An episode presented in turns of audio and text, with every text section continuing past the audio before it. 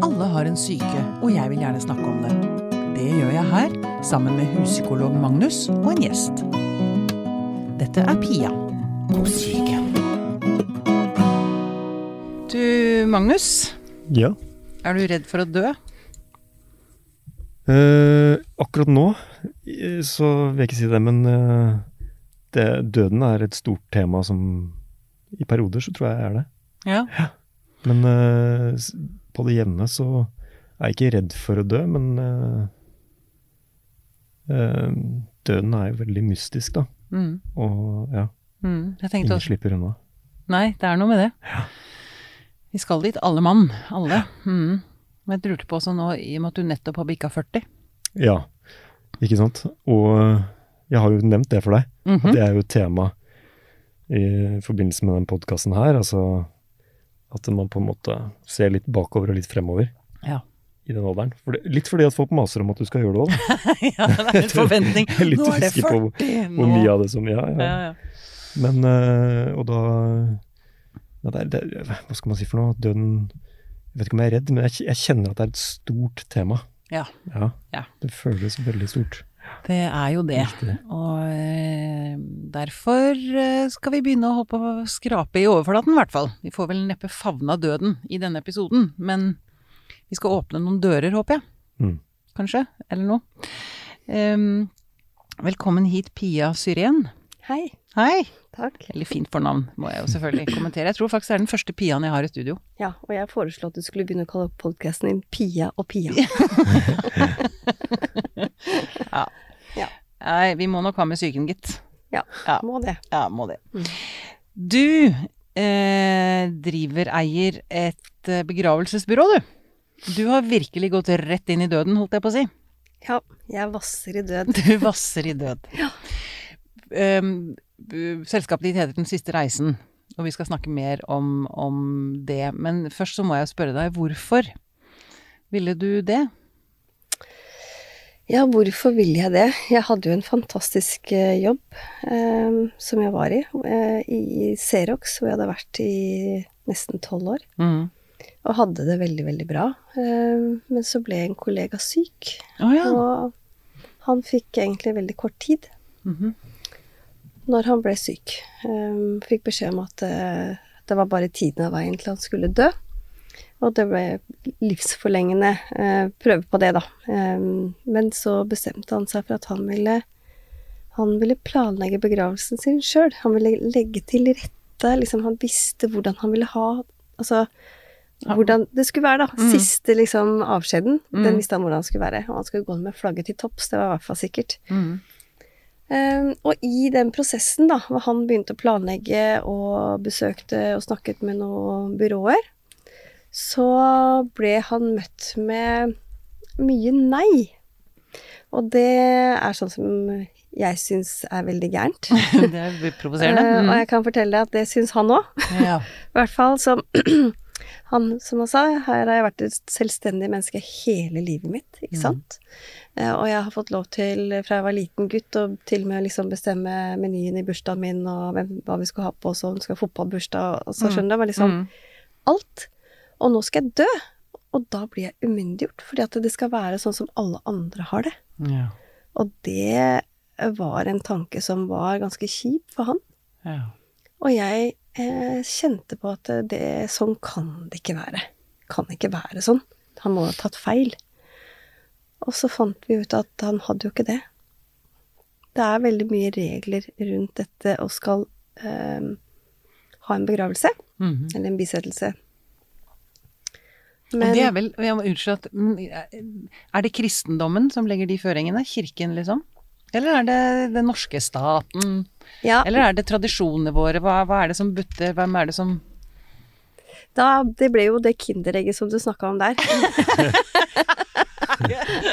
For det er faktisk alle disse tingene. Ja. Det er tradisjoner. Mm. Det er sånn som vi alltid har gjort det. Mm. Og så har du de som er tradisjonsbærerne av dette, som er byråene, ikke sant. For Mm. de har også alltid gjort det sånn, Mm. ikke sant. Og så har du da eh, kirken, som kommer inn med sine regler i forhold til sin liturgi, ikke sant. Mhm. Og så har du staten, som har satt sine lover og regler for hvordan ting skal gjøres. Mm. Um, men um, når alt kommer til alt, da, så er det veldig mye mer som er lov enn det vi tenker. Men det er nok veldig Eller det var nok veldig mye sånn at uh, sånn har vi alltid gjort det. Det er ikke så veldig verdig hvis du har en som aldri har satt sine bein i kirken, Mm. og kristne dem etter sin død, og så sette dem beinet beina dem inn, og så har vi tre salmer, og Mm. ord for dagen, og en andakt, og bønn og velsignelse. Det er veldig uverdig, syns jeg. Mm. Jeg syns jo at man skal få en avskjed som passer det livet du har levd, da. Det skal Mm. gjenspeile deg. Mm. Det er det siste vi gjør for den som er død. Ikke sant? Det skal passe, det skal stemme. Du skal sitte der og tenke Ja, Mm. akkurat sånn, ja. Ikke sant? Ja, lite, lite sidespor her, men jeg har tenkt ofte på det. I begravelser så holder eh, er det jo ofte veldig fine taler, hvor folk snakker om hvor fantastisk dette mennesket var. Eh, og så har jeg tenkt, men skulle ønske du kunne sagt det mens du levde. det er sånn eh, ja, det er jo fint å høre fine ord, absolutt. Nå eh, liker jeg å tro da at veldig mange av de har også hørt mange av disse fine ordene underveis, og ikke bare i festtaler, Mm. men at de faktisk har hørt at eh, jeg er veldig glad i deg, og jeg elsker Mm. deg, og du er verdens beste mamma eller pappa Mm. eller søster og bror. Jeg tror nok det, men det er siste gangen da du står der og Ja. skal si noe om den personen, Mm. og da er det jo litt sånn som vi lærer underveis, at du skal på en måte legge fra deg møkka. Ikke sant? Du skal, du skal ikke bære nag, du skal ikke holde på deg. Det er en tid for alt. Mm. Og det er Da er det kanskje ikke der du skal ta ut edru og galle, for de kan jo ikke forsvare seg. Nei, ikke sant. Nei, Nei, Nei jeg, men, jeg mente ikke det, altså. Var, jeg mente virkelig ikke det. At man skal stå i en, eh, en holdt på å si, avslutningstale. Og, Nei, men samtidig- men, men, men jeg bare håper at de, som du sier, at de tingene Ja. også har blitt sagt mens man lever. Altså at man får høre det mens man Ja, og så er det også viktig, når vi først er inne på det med disse talene, at de er oppriktige.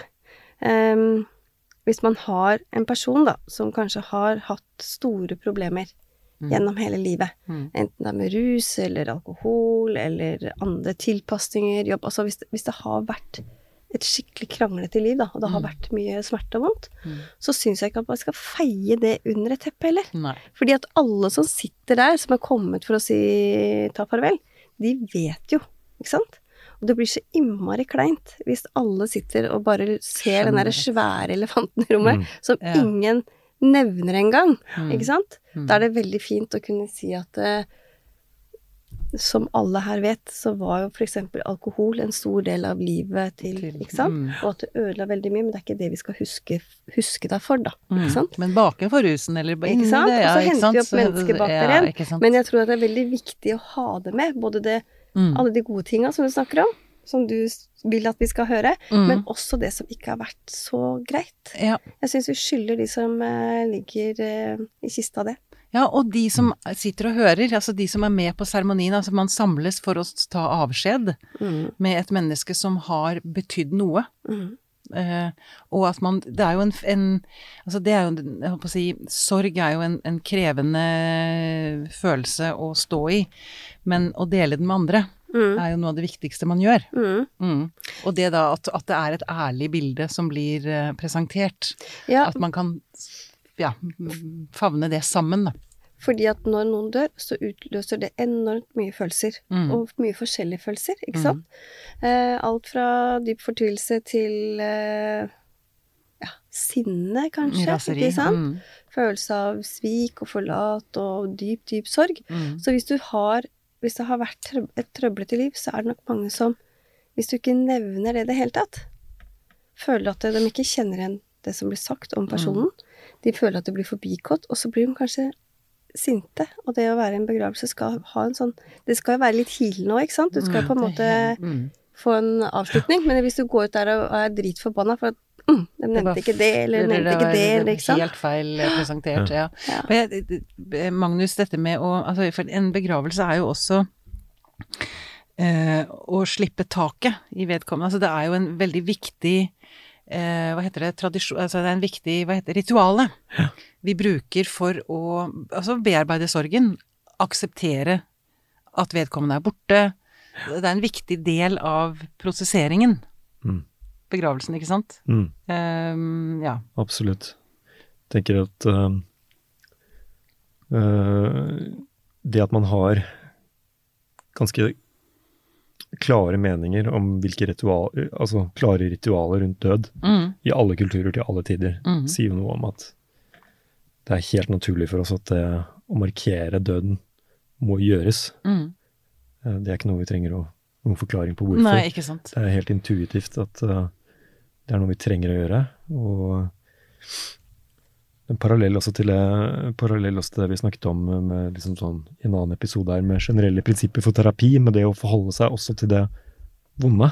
Mm. Det er noe vitaliserende ved det at vi også har det med oss, uten å feie det under teppet eller Ja. Litt det samme prinsippet kan jo også en, en samme funksjon kan jo også en begravelse ha. Mm. Altså å hjelpe oss til å flombelyse det faktum at denne Mm. sjelen er nå gått videre. Mm. Eh, og ta inn over oss da alt som er tapt, og Ja, i, med, alle, med alle farger og alle nyansene. ikke sant. Mm. Eh, ja. Mm. Um, ja. For det ligger jo noe i det å At vi da kanskje ser litt perspektiv på vårt eget liv også. Ikke Ja, sant? ikke Når vi går inn i begravelser, eller vi mister noen rundt oss. Litt den at du setter kanskje Tar en liten sånn opprydding. Ikke bare når du blir 40, men Nei. når du faktisk mister noen. Hva, hvordan er livet mitt? ikke sant? Hvordan bruker jeg tida mi? Er jeg flink nok med de jeg har rundt meg? For da ser du liksom kanskje altså hvor endelig det faktisk er, da. Og det er, det er noe i det der memento mori, altså husk du skal dø, som du, nesten alle begravelsesagenter har Ja. liggende bak her. Mm. Og det gjør jo at man blir veldig glad i livet. Kanskje ikke så redd for døden, som du sa. Du er ikke så redd for døden akkurat nå, men du har vært det innimellom, og det er jo fordi at man egentlig er så innmari glad i livet. Ja. Ikke sant? Du vil ikke miste det, Mm. men da blir det plutselig så tydelig at det kan du. Mm. Ikke sant? Og da setter man mer pris på det, man, Mm. det livet man har. Ja, i hvert fall en Kanskje. stund, og så Mm. går vi over i hverdagen, og så Så går vi inn i en sånn døsig Fordi- tilværelse hvor vi glemmer det igjen. Ja. Ja. Og så er disse øyeblikkene hvor vi våkner opp og Mm. For det, det har jeg tenkt på Jeg, jeg mistet jo min far, han var bare 68 da han døde veldig brått. Det er snart 20 år siden. Um, men du sa, Pia, eh, man skjønner ikke hvor endelig det er. Og jeg har snakket med andre venner, jeg er jo 54. Og nå er jo vi kommet til den alderen at foreldrene er i ferd med å falle fra, liksom. Det er en naturlig gang, det. Mhm. Men um, man eh, Det var en som spurte meg, som har begge foreldrene sine i live, eh, blir man den samme etterpå? Altså, kommer man tilbake til seg selv igjen? Nei, du gjør ikke det. Du, man blir en annen. Men man lærer seg å leve med det, ikke sant, med sorgen. Men det er helt umulig å forklare for noen som ikke har opplevd det. Har jeg skjønt. Endeligheten. En som ikke har opplevd død på nært hold, forstår ikke endeligheten Nei. på en eller annen eh, Ja, det høres rart ut når jeg sier det høyt nå, men man skjønner ikke hvor, altså, hvor slutt det er, liksom. Altså, sjokket. Um, at det er, det er bare Ja, Ja, for det er, det er bråstopp. det er bråstopp, Det er helt bråstopp. Mm. Eh, og det tar tid å forstå at nei, du Altså, du tar opp telefonen mange ganger fordi du skal Mm. ringe, eller bare Ja. 'Å, nei, vet du hva, Ja, det skal ja, jeg si til pappa.' Og så bare Ja, 'Nei, det nei. kan jeg ikke'. Nei. Ikke sant? Mm. Du får disse Fordi det tar så lang tid, og at du på en måte fatter det. Mm. Ikke sant? Du vet det, men du skal på en måte ha det helt inn. Um, og så er det dette med å Når disse menneskene du har hatt i livet ditt, har hatt en så stor rolle, og rollene blir borte, så blir jo ikke livet det samme. Det kan jo ikke det. Nei. For det blir jo hull der, ikke sant? Mm. Det, er også, det jeg har ikke tenkt på, selvfølgelig. Det er det nettverket du, eller byggverket du har rundt deg, plutselig så mangler det en vegg. Mhm. Eh, Eller for mitt, da pappa ble borte, var mange- forsvant gulvet, liksom. Altså, jeg, jeg mista fullstendig fotfestet. Og da psyken min virkelig begynte å krølle seg. Det var jo etter at pappa døde. Veldig brått. Mm. Så det er um, um, Men ja. ehm, jeg har jo egentlig lenge hatt lyst til å snakke mer om døden, og jeg vet at du også er opptatt av det, Pia. At dø døden i vårt samfunn, altså i Norge, er ganske fjern. Til forskjell fra altså, mange andre kulturer, hvor døden er veldig mye mer til stede i si, dagliglivet. Altså man har sørgekoner, eller man har Ikke sant. Eh, og det er Jeg tror det gjør oss så vondt at døden er så fjern, at den er pakket vekk. Eh, at den ikke er synlig. At vi, altså sånn som i gamle dager når man hadde syning. Man lå til syning i tre dager i stua, liksom. Mhm. Mm. Du døde hjemme. Mm. Mhm. Mm. Du ble født hjemme, Mm. så levde du livet i nabolaget, og så døde du der. Mm. Og da kom alle innom og hadde syning, og så stakk innom og tok farvel og stakk av med familien, ikke sant. Så det, det var ikke fremmedgjort i det hele tatt, ikke sant. Mm. Ungene løp rundt og tassa inn og ut. Og, jeg ute etter. mm. Mm. Ja, altså døden er jo i vårt moderne samfunn her i, i Vesten, da, så er den jo blitt eh, veldig vanskelig ord å si institusjonalisert. Institusjonalisert. Ja. Institusjonalisert. Ja, ikke sant? Fordi du blir Mm. syk, og da kommer du på en institusjon. Om det er et sykehus eller et sykehjem eller et, eh, en palliativ avdeling. Du dør ikke hjemme, ikke sant? Så da er du der, og så kommer familien noen timer innom. Ikke sant? Mens du ligger og dør. Mens du er gammel. Mens du har liksom den aller siste tida di, så bor du ikke hjemme og sakte, men sikkert, hva skal vi si, mister eh, liv og livsglisten og alt dette, ikke sant. Det, på en måte, det skjer på en institusjon, så du Mm. blir borte. Så dette å bli så gammel at du skal dø, det tas bort av denne familielivet og det livet vi har. Mm. Og så, når du dør, så blir alle i hui og hast gjerne ringt til, og så kommer man, og så får man litt tid for å si Hvis man er heldig, holdt jeg på å si. Hvis du er rekker fram og er heldig. Mm. Nå pleier de som, eller de gjør nok så godt de kan for å få inn familiene, de som jobber på institusjonene, men det skjer. Og når man da er død, så går det bare et par timer, så blir den avdøde lagt på kjøl, eller vi kommer og henter de eh, med en gang hvis de ikke har kjølelager der, Mm. eller kjølekapell. Og da, da er det på en måte slutt, ikke sant? Mm. Og så går det kanskje et par dager, så er det noen som da ønsker å se eh, den som er død, hvor vi har syning. Men det betyr at det, det blir så brått slutt, da. Mm. Ikke sant? Du får ikke den tiden, kroppen din, sinnet ditt, altså alt, alle tankene dine får på en måte Du får ikke omstilt deg. Nei. Ikke sant? Så den blir tatt fra oss. Den sorgprosessen som Ja. det faktisk er, da. For jeg tror at det er veldig hilende. Ja. Um, Ja, nei, da har jeg lyst til å kaste ballen over til psykologen igjen. Altså, um, hva det gjør Så har vi ikke å miste Altså, jeg- tenker da kanskje at sorgprosessene blir øh, pakket ned fortere. At, at vi At det hadde hjulpet oss å sørge hvis vi hadde fått lov til å være med inn i døden på en eller annen måte. På den måten Pia, eller som jeg hører, altså å dø hjemme, at, at man da bearbeider på en hel Altså man får roen og tiden til å Det høres veldig, høres veldig riktig ut når, du, når hun presenterer det på den måten. Ikke sant?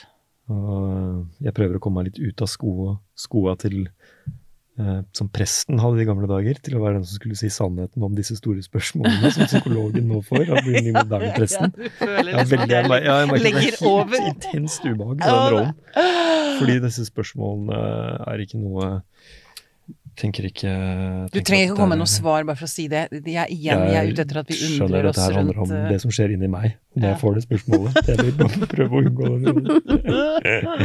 Nei, men, men eh, jeg tenker det høres veldig riktig ut at det er eh, eh, den måten man døde, levde og døde på før, levde Mm. livet sitt sammen med de man er glad i rundt seg. Og det eh, tenker jeg ikke Det tenker jeg har bare fra mine egne erfaringer. Det jeg har opplevd med mennesker som har dødd. mm. Det er jo veldig mange som, eh, som er veldig syke. Og når du snakker med dem, så sier de jeg ønsker å dø hjemme. Ja. Ikke sant? Mm. Og så kommer man dit helt på slutten, og så blir det fortalt at det blir veldig vanskelig for de aller nærmeste. For det er så vanskelig å være Det er tungt å være pårørende. Ikke sant? Å være til stede. Og det er det, for det er det, er- det er vondt, ikke sant. Og du Mm. skal både være sykepleier, og du skal være den aller nærmeste, ikke sant. Og kanskje det kjæreste og alt. Så det er, det er fryktelig vondt, og det er flott at vi har de mulighetene vi har til å få den hjelpen. Mm. Men samtidig så er det eh, er det jo også noe hilende i det å få lov til å faktisk få roa til å dø. Mm. Der hvor du ønsker å dø. Ja, men, og jeg tenker altså de pårørende da Ja. igjen um, det, det er vondt. Og det er, tenker jeg også er en negativ ting ved vårt samfunn. Vi skal liksom ikke ha det vondt. Alt skal være så lett på en eller annen måte. Altså, det er en sånn holdning som jeg bare sier Hæ? Men det å våge å Eller å altså velge det vonde, da. Jeg tenker at man da kan Altså, jeg brukte mange år på å bearbeide pappa. Jeg, for, altså, jeg kan fortsatt begynne å gråte av å tenke, snakke om pappa. Eh, fordi det var et sånt sjokk i tillegg, liksom. Men eh, at man kommer seg raskere gjennom sorgprosessen, da, ved å få lov Altså stå i det vonde mens det skjer.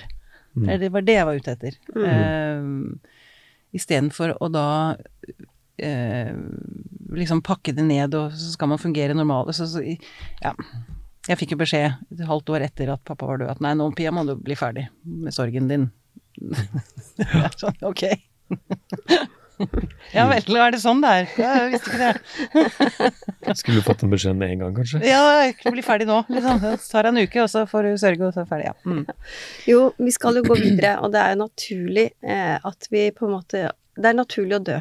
Mm. Det er helt naturlig å dø. Mm. Eh, og så håper vi alle at vi skal bli 100 år før vi dør, men så, så rettferdig er jo ikke livet. Mm. Så noen dør altfor tidlig, og noen dør altfor brått og voldsomt og blir revet bort. Så Men vi skal jo vi skal dø, og vi må forholde oss til døden, Mm. ikke sant? Og vi må lære oss å forholde oss til det, og så må vi leve videre. Vi må gå videre, Mm. ikke sant? Mm. Eh, det er vi nødt for. Men noen trenger mer tid, og noen trenger mer hjelp, Ja. ikke sant? Og det må man også Hvor skal man spørre om hjelp? Eh, er det presten? Ja. Mm. Nei, kanskje, kanskje ikke, ikke sant? Mm. Er det psykologen? Ja, jo, kanskje ikke. Er det en venn? Er det familie? Altså, det er jo mye terapi det å snakke, ikke sant, og Mm. debriefe.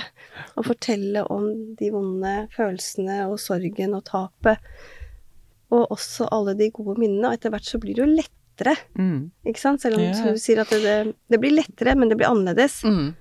Ja. og Men lettere blir det. Lettere blir det, ja. Man lærer seg å leve med det. Mm. Uh, og det er en annen ting som jeg også har oppdaget, at mm, såkalt i anførselstegn fintfølende vil, ville liksom ikke nevne pappa. Ja, for Fordi da de var så redd for at da, da vekker vi sorgen igjen, men de, hallo!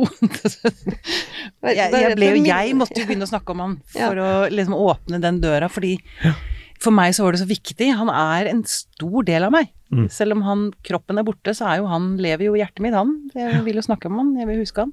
Ja, og det er jo veldig sånn misforstått at man ikke snakker om det, for da kan du minne deg på at du er pappaen din. Ikke ja. Jeg tror den derre eh, Dette med en forventning om at det er normale reaksjoner på død. Mm. Altså normale reaksjoner man skal ha når noen dør. Eh, jeg har jo Jeg har en, eh, en pasient som forklarte at eh, ved et tap så hadde han googlet hvor, hvordan reagerer man når noen dør. Ja. Uh, som sier noe om den fortvilelsen en del uh, Altså de reaksjonene man får etter død, at man søker etter en eller annen sånn riktig måte å gjøre det på, riktig Mm. måte å sørge på. Og erkjennelsen av at det er kanskje nettopp det man trenger å få høre, at det er en veldig individuell prosess. Mm. Og måten den, det livet ble røvet fra oss på, eh, spiller selvfølgelig en rolle. Mm. Eh, relasjonen din spiller helt åpenbart kanskje den viktigste rollen, Mm. pluss det er, så, det er så uendelig sammensatt. Mm. Og eh, at å skape et rom for eh, Å skape et veldig, veldig solid rom for at eh, de reaksjonene kan ha veldig, være veldig ulike, Mm. og at det ikke finnes noen riktig måte å gjøre det på. Mm. Det tror jeg Det tror jeg i hvert fall er det en holdning jeg bærer med meg da, i møte med folk som, Mm. som mister noen. Mm. Det er kanskje øh, Men det er kanskje fordi det er det der med at man, i møte med døden så blir vi veldig små og veldig øh, Det er veldig, veldig lite å komme med, egentlig, i en sånn situasjon. Ja. Av uh, trøstende, gode råd og tips og sånn. Det er et eller annet som blir så altoverskyggende og stort at uh, det å bare bekrefte at det er det. Det er En, Sånn en, er det. veldig endelig uh, Ja. Mm. Og så er man jo også veldig redd for å trå feil, de som står eh, rundt deg, ikke sant. Og Mm. si noe gærent, Mm. ikke sant. Uten å mene det. Det- så derfor så er det veldig vanskelig å Hva skal du si? Mm. Ikke sant?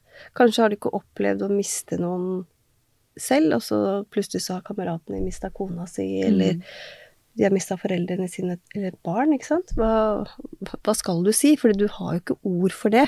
Eh, ikke engang om du har vært med på det selv, så har du egentlig ord for det. Um, og det er jo ikke noe riktig måte å sørge på. Og vi, jeg i min jobb, da, uh, jeg kommer jo veldig raskt innpå de som sørger. Jeg møter jo gjerne kanskje på den verste dagen i livet, når jeg kommer Ja, og henter sant. en som er død. Når du skal bære de ut av stua, ikke sant. Um, eller vi kommer, de kommer til meg etter at en person er død på sykehuset, ikke sant. Så kommer de rett til meg. Og da, når de kommer, så er altså de, sorgen er så rå, Mm. og den er så brutal, og de er jo helt hudløse Mm. og forsvarsløse, egentlig, når de kommer. Um, og alt kan egentlig skje følelsesmessig, ikke sant? Mm. Um, fra Altså, noen gråter og gråter og gråter og gråter. Altså, og andre har eh, feller ikke en tåre. Mm. Men sorgen er jo akkurat like stor. Det er bare Mm. to måter å gjøre det på. Mm. Og noen blir rasende, ikke sant? Eh, og så kommer det kanskje forskjellige parter i en familie som har forskjellige relasjoner til den avdøde, fordi vi skal planlegge en seremoni. Og så er de kanskje i konflikt med hverandre, eller Ikke sant? Og så utløser det, i tillegg til sorgen, så kommer de andre følelsene inn, ikke sant? Og så skal de prøve å enes om noe. Det kan, da kan det komme enda mer, fordi man blir jo man blir ikke sinnssyk i øyeblikket, men man er ikke helt til å stole på Man kan ikke stole på følelsene sine. Det er i hvert fall sikkert når man er i en sorg. Fordi de Man er ikke helt i vater. Nei, og de kan overrumple like mye den som får reaksjonen, som de som sitter rundt. Mm. Ikke sant? Etterpå så er det sånn Beklager, beklager. Mm. Ikke sant? Jeg skjønner ikke hva som egentlig Mm. kom, og det er, er sorg. Det er Mm. det som kommer. Mm. For det, det er som du sa, dette med å ha den fasiten. Mm.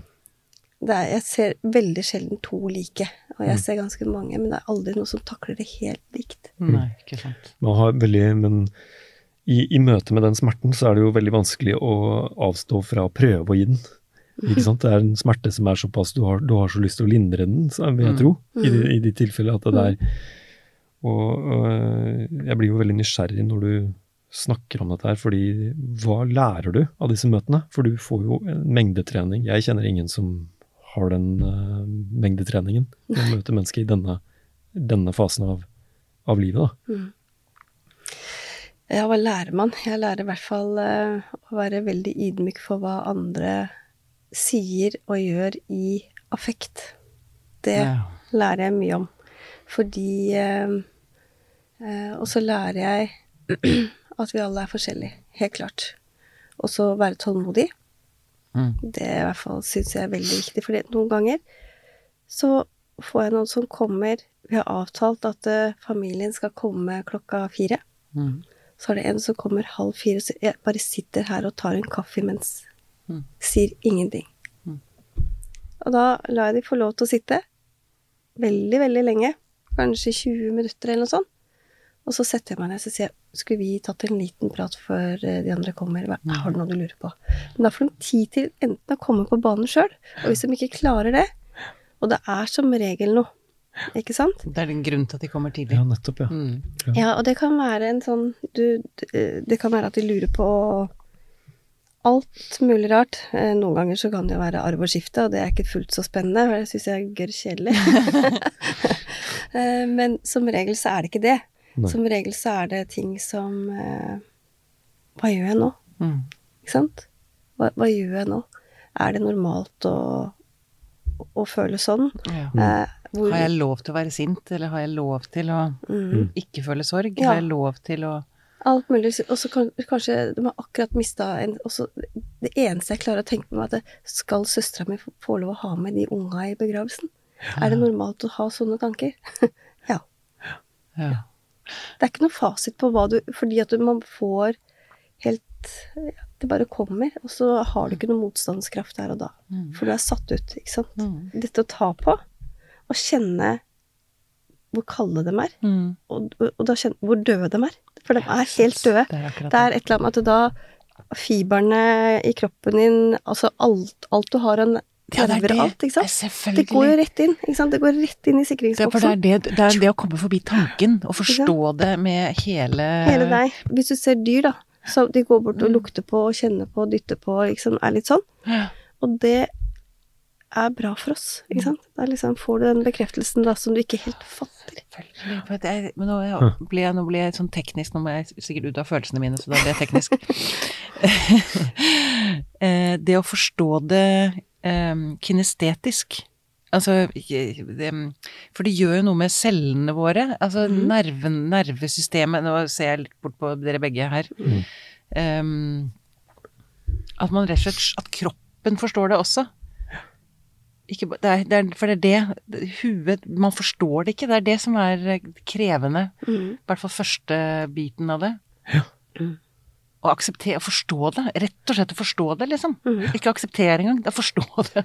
Ja, er og så, sånn- og så kan det jo være veldig skummelt, da. Ikke sant? Du har kanskje aldri sett noen som er død før. De fleste Mm. har ikke det Nei. i det samfunnet vi lever i. Mm. Og så kommer de da inn i et lite kapell, og så ligger den du er så glad i, død i en kiste. Ja. Og det er altså Jeg ser jo det når enkelte familier kommer. Jeg ser jo frykten, ikke sant, idet de Mm. kommer. De vil så gjerne se. Mm. Og, men det, altså, det er altså Det er så fælt for dem. Det er så vondt. Og de gruer seg. De syns det er skrekkelig samtidig som de gjerne vil. Mm. Og da er det et eller annet med dette å Kanskje unger som har lagd noe Jeg sier Mm. ifra til deg ikke sant? at du kan lage tegninger, og ikke sant? de har kanskje plukka noen blomster og ha med noe. ikke sant? Skrevet Mm. dikt, og noen har tegna kart hjem, og ikke Mm. sant? sånn. Til, Mm. til den som ligger oppi der. Og for å vise hvor eh, For jeg vil så gjerne at de skal ta på. Ikke sant? Mm.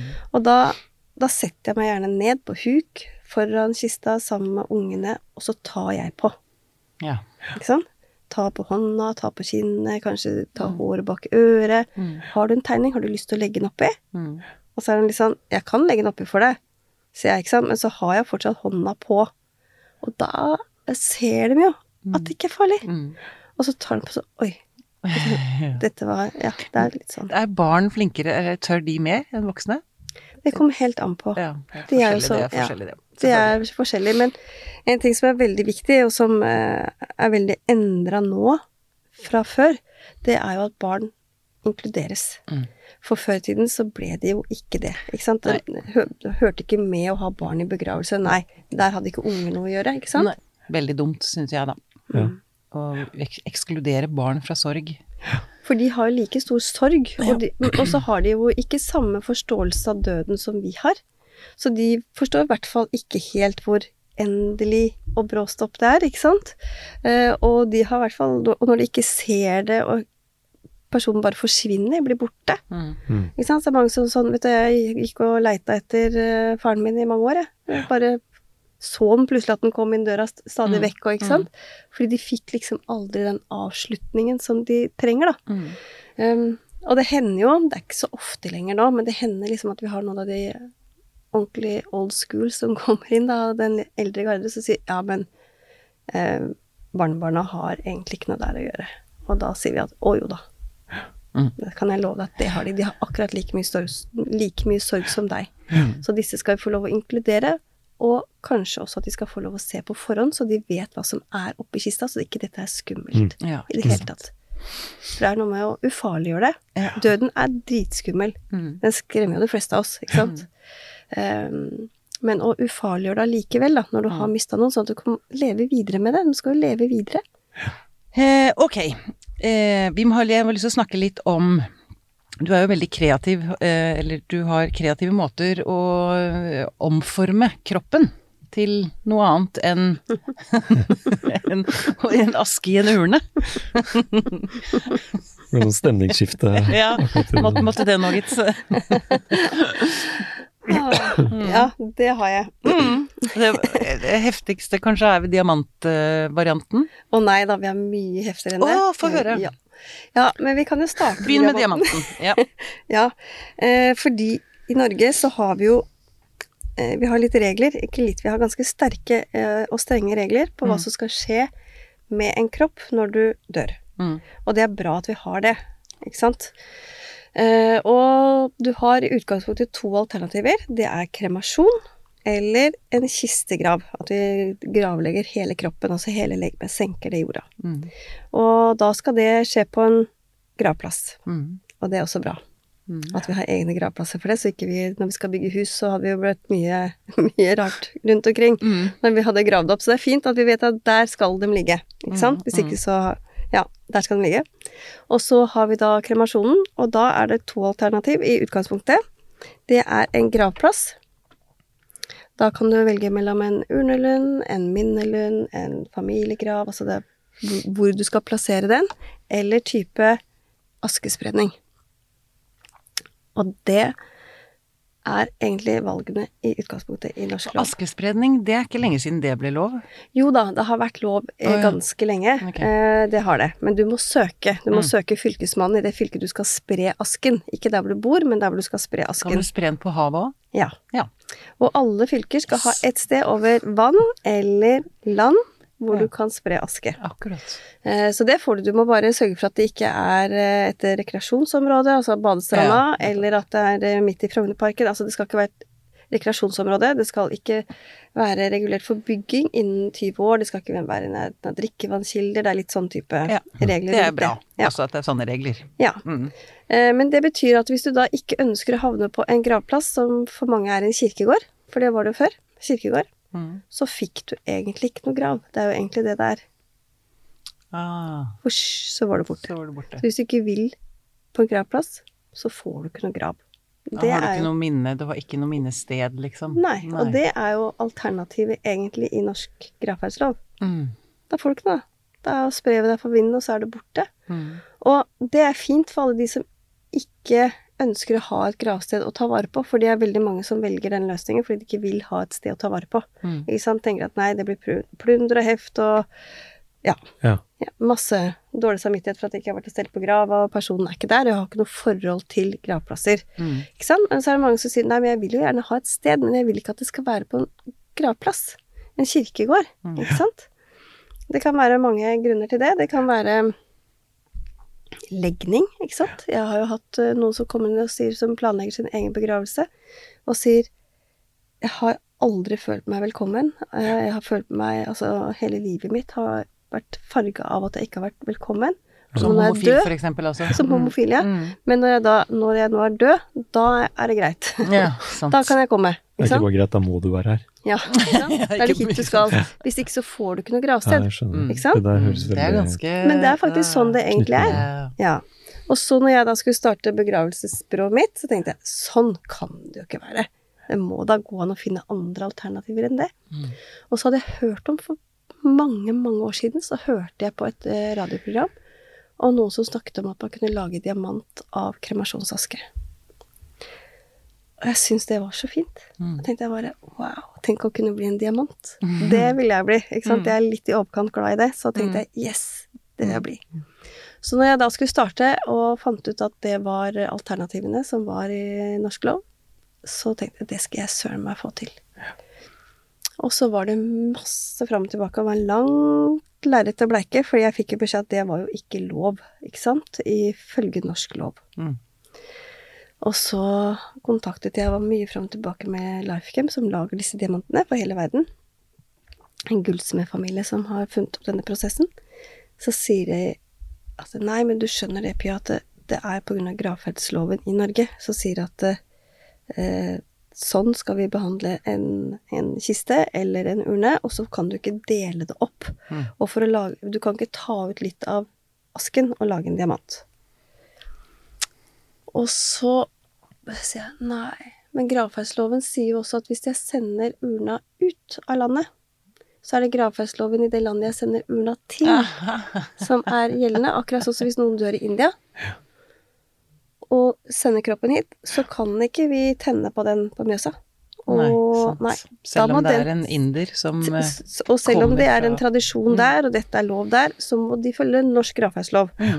Ikke sant? Og sånn, sånn er det jo. Så tenkte jeg ok, men da sender jeg urna, hele urna ned. Da kan vi lage en diamant, og det kan man. Ja. Så da begynte vi å lage diamanter av kremasjonsaske. Mm. Og det er helt Det er en fantastisk prosess, og det tar ett år. Og da, etter kremasjon, så er det Vi har lagd veldig mye av karbon. Vi har nesten bare karbon. Skjelettet vårt og tennene våre.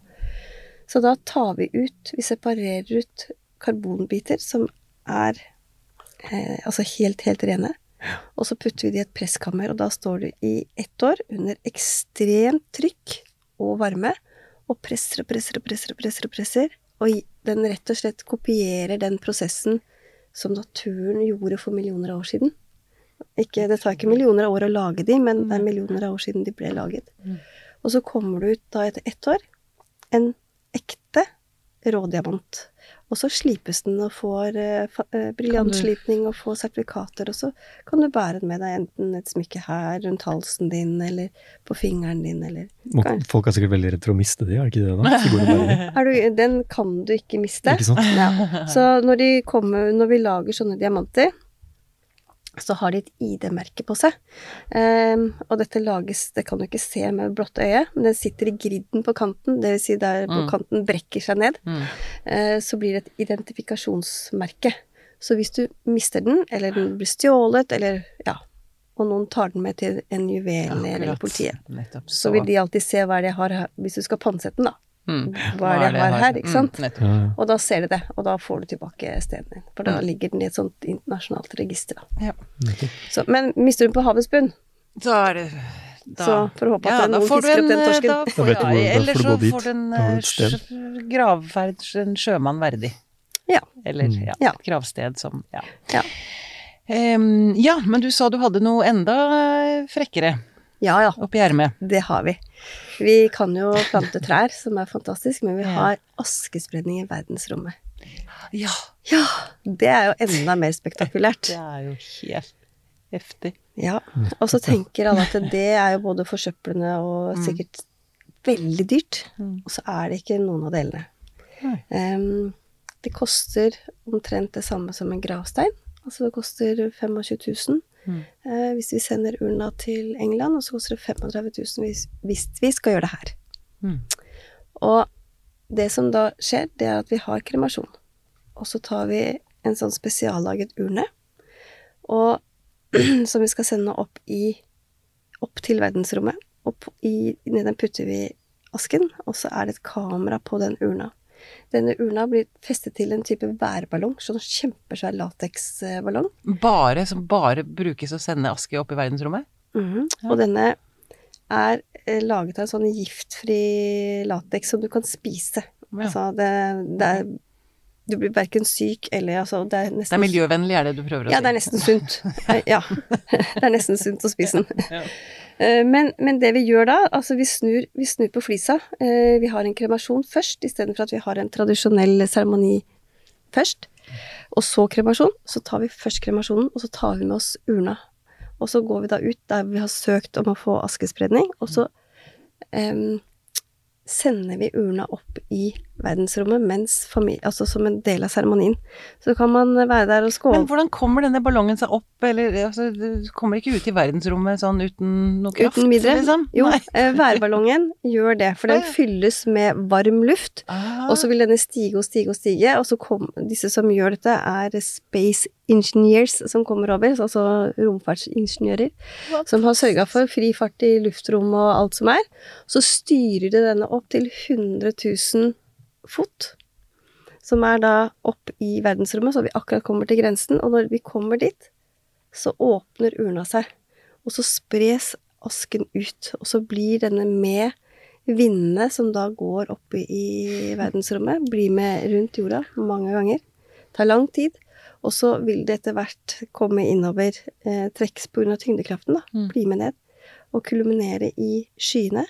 Og så kommer det ned da som enten regndråper eller snøfnugg overalt på jorda. Vakkert. Og ballongen, den sprekker. Ja. Den sprekker når den kommer av trykket. Den Mm. blir enorm, og så Mm. boff. Og da kommer den bitte, bitte, bitte små fragmenter. Og selve urna, den styrer vi ned. Mm. Tar ned igjen. Ok. Så det er ikke noe, blir ikke noe søppel i I som svirrer rundt eh, jordene. Nei, ikke noe som går i sånn orbit og søppel. Nei. Utrolig, utrolig Jeg har lyst til å si kult. eh, Men det er jo kult. Det er jo kult. Dødskult! Og du har mange sånne gode Ja. Kommer disse ideene fra deg, eller er det folk som kommer til deg fordi de vet at du er med på å gjøre sånne kreative løsninger, og så sier du du, jeg har en idé for hva jeg vil eh, når jeg skal begraves? Du, det er både òg. Men denne sende opp i verdensrommet, det kom faktisk fra en av eh, leverandørene som leverer systemer til oss i begravelsesbransjen. Han var på en messe, i en sånn dødsmesse i, som var i, i England, for det er jo sånne messer rundt omkring i verden. Dødsmesse. Ja, ja, og gravferdsmesser. Ja, ja, Altså, gravferds, altså alle leverandørene. Mm. Akkurat som om du selger sko, liksom. Så Mm. fins det sånne messer. Dødsmesse har, en, har en litt annen betydning, sånn ordet. Ja, Ja. ikke sant. Mm, mm. Så han gikk jo da Når han gikk rundt der, og så så han dette Aura Flights uh, askespredning i verdensrommet, og han sa bare 'Å, Pia'. så han gikk bort til de og sa 'Vet du hva, dere må snakke med Pia', Ja. den siste reisen. Og så visste de tilfeldigvis hvem jeg var. Oh, ja. For de hadde vært og sjekka ut i Norge, for, å komme, for dette er jo ganske nytt. Ja. Hvem er det vi kan snakke med? Og da kom eh, byrået mitt opp, da, fordi at vi er jo et alternativ til det tradisjonelle. Mm. Så tenkte hun, og så kom han og sa her, dere skal snakke med Pia. Og så eh, kom han tilbake til meg, eh, bare et par dager etterpå, Mm. og så rett Pia, disse må du snakke med. Og uka etterpå så hadde vi avtalen for dette i boks. Jeg syns det var helt fantastisk. Ja, det skjønner jeg. Men du, blir folk provosert av Ja, deg? noen gjør det. Ja. Ja, ja, er du Hva er, det, hva- er det de sier da? Altså, hva er det folk reagerer på? Ah, jeg syns det er forkastelig. Ja, forkastelig fordi Mm, fordi sånn kan man jo ikke gjøre. Altså det er ofte det ikke er så veldig gode argumenter på hvorfor det er forkastelig, men det er forkastelig. mm. Du klarer ikke å være heter ambivalent i et sånt forhold Nei, når det gjelder døden, fordi at det går på følelser, Mm. eh, det går på tradisjoner, og det er sånn, ja, hvorfor det? Mm. Altså, hvorfor skal man gjøre sånn? Eh, Og igjen da, at det er uverdig for hvem. Mm. Ville Vil det heller vært uverdig å ikke få et gravsted, eller bli putta på, på en gravplass, hvis du ikke vil det, Mm. ikke sant? Um, men um, veldig mange som syns at det er uh, uverdig. Um, og så har, har jeg vært da i mange diskusjoner på, med biskoper og i nyhetsdebatter og alt som er, hvor de syns at dette er å frarøve samfunn et gravsted. Uh, først frarøver man da familien en sorgbearbeidelse, som ved å kunne ha et sted å gå til. Mm. Uh, og et samfunn. Uh, de mener da at et At man skal ha en gravplass hvor naboen og alle kan gå Mm. til. Mm. Eh, Mm. Og så sier jeg at men det kan jo hende at eh, et gravsted som ikke blir stelt, ikke blir besøkt, Som blir en dårlig samvittighet mer enn noe annet. mm, Mm. at det kanskje ikke er så bra for samfunnet heller. Mm. Og ikke er så veldig healende for de Mm. som er nærmest. Mm. Så det er jo Men igjen, da, så tror jeg det mest går på hva man er vant til, Mm. ikke sant? Mm. Og nå disse diamantene, det, det kommer jo fra hele Norge. eh, Og nå er det jo ukentlig nye urner som kommer tilsendt til oss, da. Mm. Og igjen, sant, hvis man kaster blikket litt utenfor grensene våre, da, og våre tradisjoner, Mm. så er jo dette med gravlegging, altså begravelser, det er jo veldig mange måter å gjøre det på. Ja. Og har alltid gjort, vært Mm. i altså, århundre, årtusener. Mm. Um, så ja.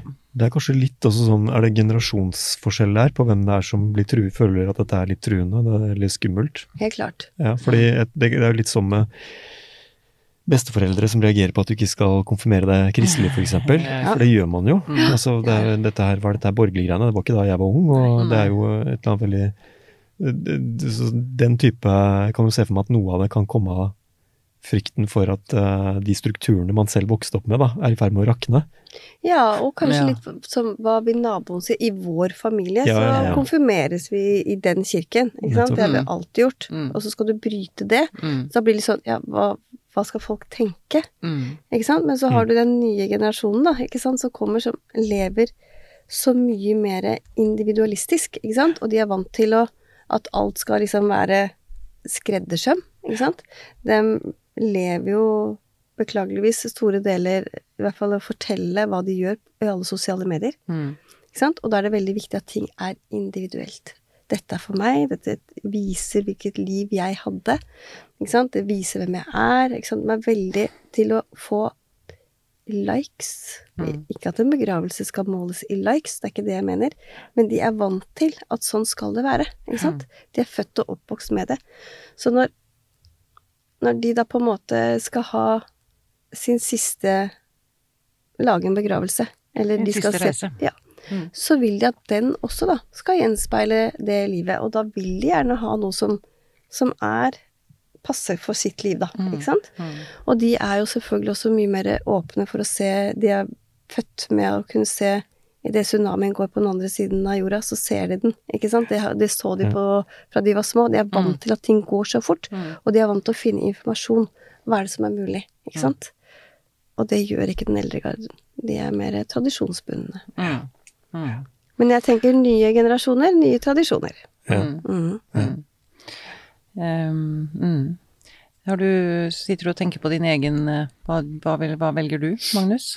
Nei, jeg, det satt jeg faktisk ikke og tenkte på. Jeg begynte jo å tenke på det med en gang du spurte meg nå, men jeg tenkte på en annen. Altså, eh, en forfatter og journalist som heter Hunter Thompson, eller het Hunter Thompson, som dere kanskje kjenner til Mm. gonzo-journalistikkens far. Mm. En som levde et langt liv med var veldig åpen om uh, sin eksperimentering med rusmidler, samtidig som han dekket presidentkampanjer på 70-tallet og skrev en rekke festlige bøker. Uh, Var jo et veldig annerledes menneske. Og han uh, skrev jo også om flere ganger, litt sånn flåste om sin egen død og hvordan han skulle dø og sånn.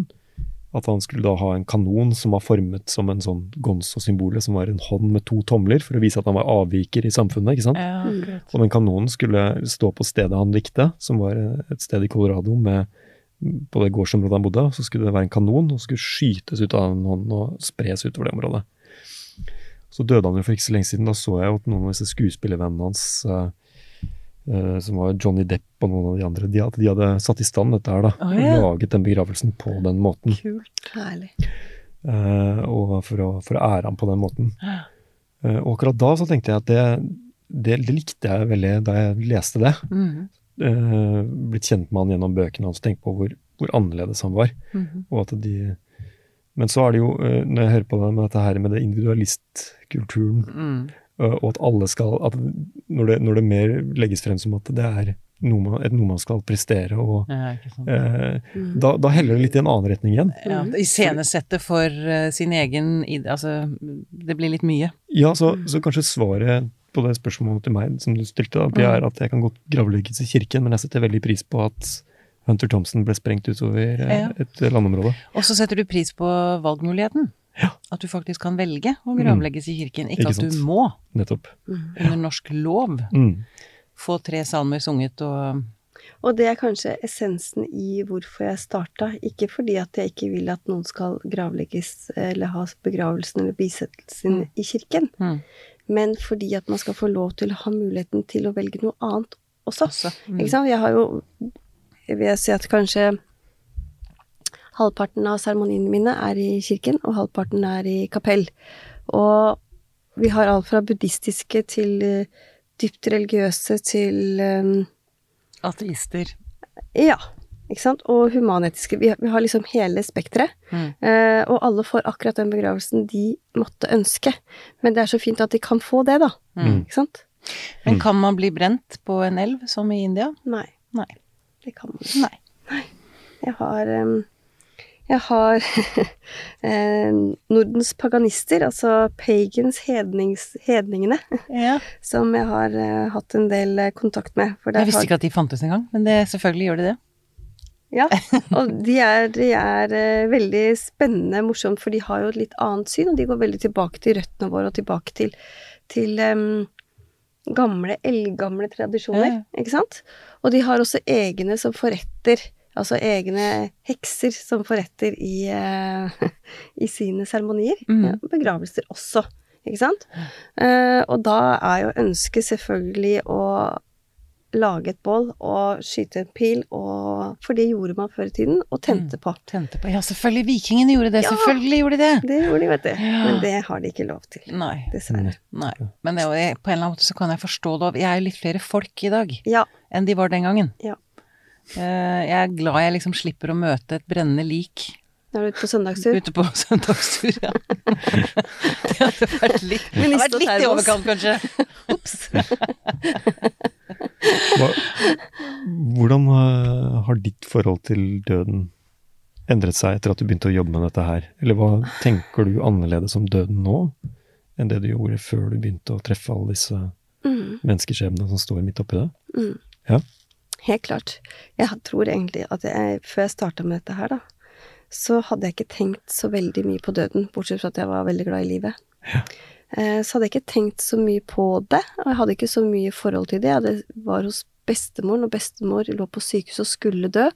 Da var liksom alle familien, mamma med sine søsken, eh, var inne hos bestemor, og så var vi kusiner utafor, og så liksom var jeg inne hos bestemor og fortalte liksom hvor glad jeg var og hvor fantastisk fin bestemor hun hadde vært for oss alle sammen. Eh, Det var liksom det nærmeste forholdet jeg hadde til døden når jeg valgte dette her. Så grunnen til at jeg starta, var jo at jeg så den At jeg syntes det var urettferdig at man ikke kunne få lov til å gjøre som man ville. Ikke sant? Pokker heller. Um, og så hadde jeg ikke tenkt gjennom egentlig hva min jobb Jeg så et Jeg starta med å se et forretningspotensial. en modell, ikke sant. Tenkte Mm. dette har jeg lyst til å gjøre noe med. Mm. Eh, og så hadde jeg ikke helt tenkt gjennom hele konseptet, at jeg skal faktisk eh, stelle de døde. Jeg skal eh, snakke med de som er i den rå sorgen, ikke sant. Jeg, må faktisk bli en god sjelesørger. Jeg må bli en person Jeg er glad i å ta vare på mennesker, da, i utgangspunktet, så er jeg glad i det. Men jeg hadde ikke tenkt så mye over døden, egentlig. Men nå møter jeg henne hver dag, så jeg er pinadø nødt for å ha et forhold til den. Og jeg føler at jeg har et bra forhold til den, så godt i forhold til eh, at balansert, da. Jeg er livredd døden. Ja. Du er livredd døden? Ja. Jeg på For det sa er så innmari, innmari endelig. Det er så slutt, ja. Men Jeg for, det er kanskje det jeg tenkte, jeg har tenkt på det etter at du sa um, For jeg, vi skulle ut og ta en røyk, Mm. og så du skjønner ikke at jeg tør. Mm. Men greia for meg er jo at jeg har, jeg har jo vokst opp med døden. Altså døden har vært så tett på meg, og jeg har mistet flere venner. Mhm. Altfor unge, plutselig, altså eh, av sykdommer, av ja. Eh, så jeg, jeg har blitt litt sånn, jeg holdt på å si fatalist er å ta i, men litt sånn altså når det er slutt, så er det slutt. Det er ikke altså ja, det Mm. Og pappa levde sunt, eh, og vips, så var han borte. Eh, sånn at jeg, jeg tror det er derfor jeg orker, jeg orker ikke Vet du hva, jeg orker ikke å gå rundt og være redd. Nei. Jeg tror det er kanskje er det én følelse jeg har hatt så mye av i mitt liv som jeg bare ikke orker mer. Det er frykt. Mm. Jeg sier ikke at jeg er uredd sånn, altså jeg, men, men ja, jeg bare Ja. Nei, jeg skal få ny, nyte det mens det står på. Mm. Dette er livet. Ja, og det er litt av poenget mitt med dette å være livredd døden. Altså, jeg er ikke livredd andres død, og jeg er heller ikke redd døde mennesker. Altså, jeg, Mm. jeg, øh, jeg syns det er en ære, faktisk, og jeg Mm. syns en del av den, den fine biten med jobben min er å stelle de døde. Å komme inn og stelle de og gjøre de klare og legge de i Mm. kista si, og jeg er heldig, jeg er liksom den siste som får lov til å kanskje stryke dem på kinnet, da, og Mm. si lykke Mm. til, liksom. Um, og det er en veldig fin bit, og den absolutt Altså, den er bare vakker eh, og fin, ikke sant? Det er ikke Mm, noe skummelt, det er ikke noe skremmende, ikke noe ved det. Men min egen død, fordi at jeg ser det, Fordi når du er død, så er du så innmari død. Altså, det er ingenting. Og så tenker jeg på alt det jeg har, og så skal det bli borte. Det vet jo, vi vet jo ikke det, da. Strengt tatt. Nei, men det, det jeg ser, er ingenting. Jeg ser at det, Altså, campingplassen, da, for sjela, Mm, som ligger igjen, mm. den er Der er det Det, det er tomt. Ja, det er tomt. Det er tomt skall. Men du vet jo ikke hva, Som skjer med, med hva som skjer med inn innholdet. Nei, det vet vi ikke. Nei. Heldigvis. Heldigvis. Mm. Det er heldigvis ingen som kan, er, kan si noe sikkert om det heller. Mm. Ingen. Men det Eller får jeg veldig ofte spørsmål om. Hva tror du? Ikke Ja, sant? ja. Ja. Ja. Hva. Hva, tror du skjer når, eh, når Har du funnet ut noe? Mm Nei. Nei, det Er nærmeste det man kommer, er vel folk som er, Ja. erkl- har vært erklært døde. Der har man vel kanskje en, et hint, Ja. tenker jeg da. Ja, Ja. ikke sant. For det er noen som har liksom vært død flere ganger og kommer Ja. tilbake igjen og kan fortelle. Og det er veldig mye like historier, Mm. ikke Ja. sant. Mm. Så jeg tenker at det er kanskje noe i det. Mm. Skal ikke kimse av det. Ehm, for all del. Og så og så får jeg veldig mye spørsmål om jeg har sett eh, spøkelser og overnaturlig og banker Ja, i veggen din, og får du sove, og er det noe som Ikke sant? Kommer de tilbake til deg hvis ikke du behandler dem ordentlig, liksom? Ja, det tror jeg på også, derfor så gjør jeg det. Veldig bra. Veldig bra. Ja. Uh, ja, jeg hadde mm, Det har vært veldig mange tanker som har gått gjennom hodet mitt, og mange følelser som har jagd gjennom kroppen. Mm. Um, veldig bra. Um, igjen, det er så viktig å forholde seg til den, Mm. døden, Ja. tenker jeg. Det er eh, Det er så viktig å forholde seg til den, og så er det jo litt det som vi begynte litt med, da, som du sa, at det er jo ingen som slipper unna, ikke sant. Vi må alle forholde oss til Mm. det, ikke sant. Fødsel og død, det er liksom to punkter, det, Ja. som Mm. er der. Så- liksom. Ja, så jeg vil egentlig råde alle, da, siden vi skal dit, Mm. ikke sant, å snakke litt med de du har rundt deg. Mm. Fordi at når noen dør, så er det så eh, Som jeg sa, så kommer de til meg med hjertet i hånda, og alt er vondt, og så skal de ta så masse avgjørelser, på så kort tid. Mm. Ja. Ikke sant? Mm. Det går ti virkedager fra noen er død til, det, til de enten skal Altså til vi har seremoni, da. Mm. Til de enten er i bakken eller de skal kremeres. Og da skal alt bestemmes. Og det de bestemmer nå, det er endelig. Ikke sant? Mm. Så Og da kan det være veldig vondt å ikke vite fordi at de ikke har turt å snakke om døden. Mm. Ikke sant? Men hvis vi snakker om det, Mm. så gir det en trygghet. Ikke sant? Og det, og det faktisk Det blir veldig mye gode samtaler av det rundt et glass vin på en uh, lørdagskveld. Mm. Du, hva er det du Når du dør, hvordan vil du at begravelsen din skal være? Hvordan, hva tenker du rundt det? Ikke sant? Mm. Mm. Ta den samtalen. Mm. Det blir fine samtaler. Jeg lover, altså. Det Mm. blir det, fordi du går helt inn på det essensielle. eh, Og tar tak i noe som er litt skummelt, men så får man de svarene som Når, jeg, når du kommer til meg, og jeg spør ja, kremasjon, eller skal vi ha en kistegrav, så vet du. Ja, helt klart Helt kremasjon, sikkert. ikke sant? Mm. Ja.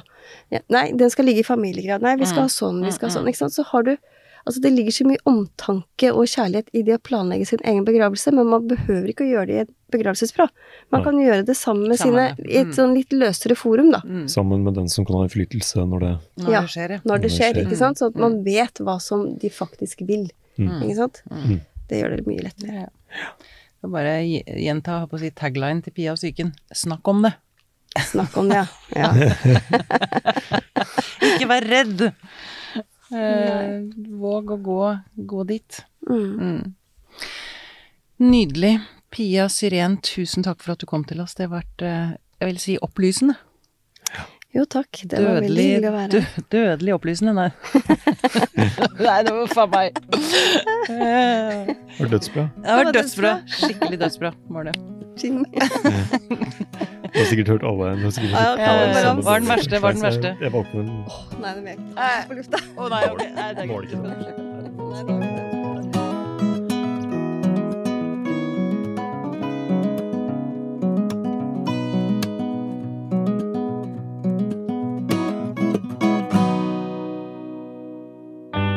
Denne podkasten er produsert av Tid og lyst.